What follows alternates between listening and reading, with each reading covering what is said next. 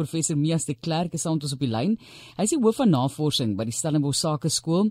Hy is professor in leierskap en organisatoriese gedrag, hoofdirekteur van SA as ook ehm um, direkteur van die Sentrum Verantwoordelike Leierskapstudies in Afrika en ons gesels met hom oor hierdie belang. So Ons moet seker maar werk in die eerste plek professor. Almal moet 'n werk hê wat hulle doen en dit hoef nie noodwendig betaling te wees nie. Ons dink ook aan baie mense wat by die huis is en kinders grootmaak, daai tipe van ding, maar hoekom moet ons nou werk?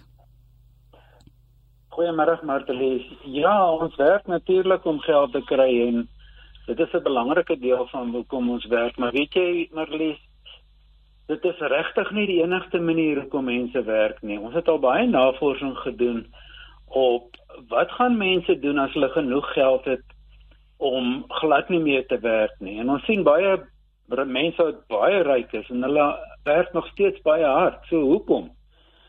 So werk moet ons weet is baie meer as net die inkomste en ek het nou gehoor uh, net voordat ek aan die woord gekom het iemand gesê het van die betekenis wat die werk vir jou gee. Baie mense vind nie net betekenis hulle werk nie, maar as hulle betekenisvol om te werk. Dit is een van die hoofredes hoekom mense werk. Dit gee vir jou iets om terug te ploeg in die gemeenskap. Iets wat jy voel maar jou lewe is die moeite werd. Maar dan is daar nog baie ander dinge. Weet jy, um mens kan sien as jy te lank vakansie het, dan begin jy verveeld raak. Werk gee vir jou iets om te doen. Dit gee vir jou rede om op te staan in die oggend. En dit gee vir jou 'n plek waar jy kan groei en ontwikkel as 'n mens. Dit hoor ook nou van die mense wat sê hulle hoe lank terug al begin werk en wat hulle salaris was. Maar die persoon wat daardie tyd gewerk het en die persoon wat nou of nou jou wat ouer is of wat al afgetree het, dis 'n ander mens want ons het gegroei deur ons werk, ons ontwikkel. En dan die laaste ding wat ek wil noem, twee ander goed is. Die een is dat werk jy vir 'n plek om met ander mense in kontak te wees. Dit raak vreeslik alleen as jy nie met ander mense in kontak is nie. En ons het gesien dat een van die grootste probleme in COVID wat mense van die huis af moes werk, is daai menslike kontak. Want dit is net nie dieselfde om oor 'n rekenaarskerm met mense te gesels nie. Jy weet jy jy loop iemand raak in die gang of in die badkamer en jy gesels gehoor iets en dit is baie belangrik. En dan die laaste ding wat ek wil noem is dat werk gee vir ons identiteit in die moderne wêreld het ons werk en wie ons is so ineengekom dat ek ek is amper my werk. Jy weet ons sien dit as ons uh, nuwe mense ontmoet. Die tweede of die derde vraag wat ons mekaar vra is wat doen jy? So werk is ook my identiteit omdat dit so 'n belangrike deel is in my lewe. So jammer lees daar's baie redes hoekom ons werk. Inkomste is 'n belangrike deel, maar daar's baie ander redes ook. Ek dink ook kyk daar's baie mense wat 'n werk doen, hulle is goed daarmee. Hulle vind nie noodwendig betekenis in die werk of vreeslik baie geluk in die werk nie, maar hulle vind dit dan nou op 'n ander manier na werk en naweke het hulle vind hulle daai geluk. Hulle wil hulle goeie salaris verdien en dit is dit. Die die beste dink ek is natuurlik as jy daardie goeie salaris verdien en daarbey ook nog uh die betekenis en geluk vind binne jou werk wat jy wat jy het. So dis die nommer 1 dink ek. Maar wat is die belangrikste aspekte om geluk in 'n mens se werk te vind?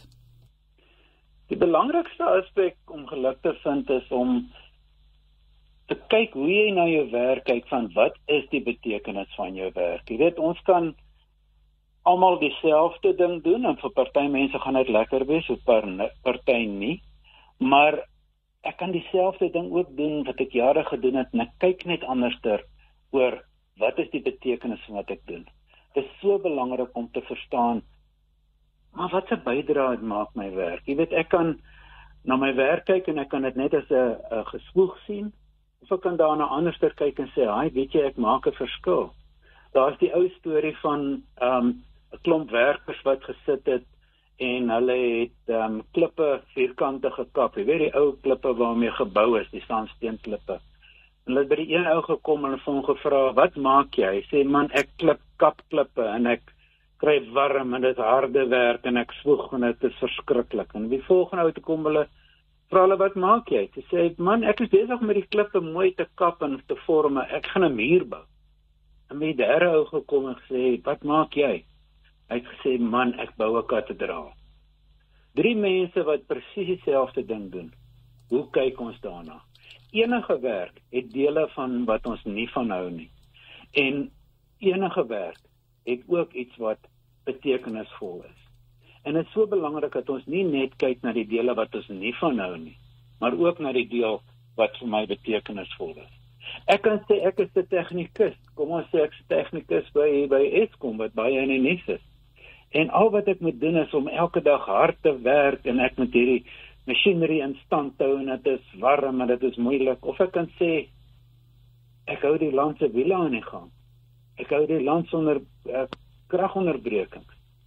Doen dieselfde ding. Ek kyk net daarna anderster en dit gee my 'n ander betekenis.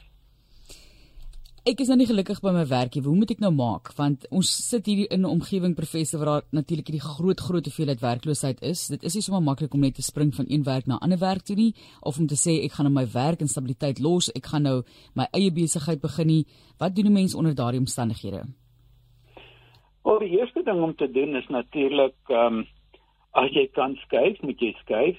Maar voordat jy skuif, dink ook daaraan dat presies wat ek nou gesê het, miskien moet ek net anderster na my werk kyk en dan kan ek dalk meer geluk daarin vind. Um en as jy dit gedoen het en jy dit maak 'n groot verskil nie en jy kan nie skuif nie. Wel, miskien moet jy kyk maar wat gaan dit van jou verg om te doen wat jy werklik wil doen. Ek sien te veel mense wat kla hulle geniet nie hulle werk nie, hulle vind nie bevrediging in hulle werk nie, maar hulle is nie bereid om moeite te doen om hulle self te bekwam vir iets anders te nie. Hulle sit en wag asof iemand vir hulle iets gaan doen. Miskien moet jy terug aan universiteit toe, miskien moet jy terug aan college toe.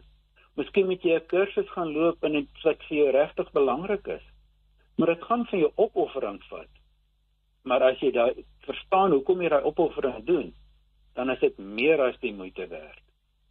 Die ehm um, Duitse filosoof Nietzsche, Friedrich Nietzsche het gesê as iemand 'n hoekom het, kan hy met enige hoe uh, oor die weg kom.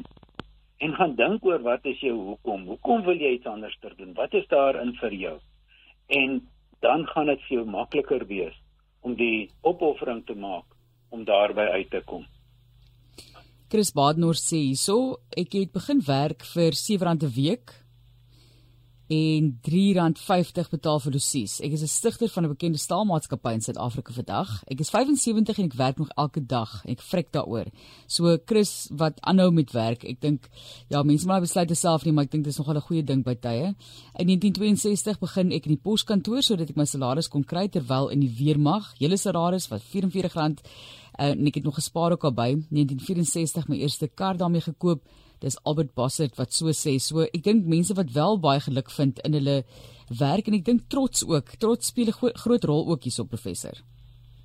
Natuurlik. Ehm um, daarmee betekenis kom trots.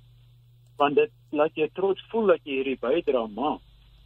Maar jy weet ons moet ook met werk besef dat die ding wat ons noem werk is 'n sosiaal sosiaal gekonstrueerde konsep wat vir jou werk is, is vir my plesier en wat my plesier is vir jou werk. So ons kan baie mooi daaraan dink.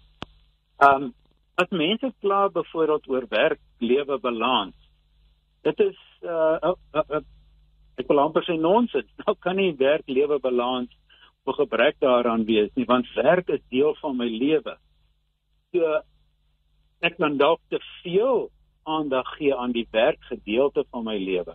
Maar werk is deel van my lewe En hierdie mense wat jy nou van gepraat het, hulle het net die sin in hulle werk gevind sodat hulle ook hulle lewe kan geniet. En werk het 'n ander betekenis. Dit is nie hierdie ding wat niemand wil doen nie. Dis iets wat vir hulle sê, "Wow, dit gee my 'n rede om op te staan in die oggend." Ons sê baie dankie vir daardie inspirasie ook en vir die geen verskoning kan ek maar sê preek wat jy vir ons gelewer het professor dat 'n mens op 'n manier al is jy binne 'n werksituasie wat jy nou nie geniet en gelukkig is nie aan die kant begin om jouself te ontwikkel om dalk in 'n ander rigting te beweeg. Dit is professor Mees de Klerk en hy's hoof van navorsing by die Stellenbosch Sakeskool. Baie dankie voordat ek jou groet professor, wat was jou eerste formele werk?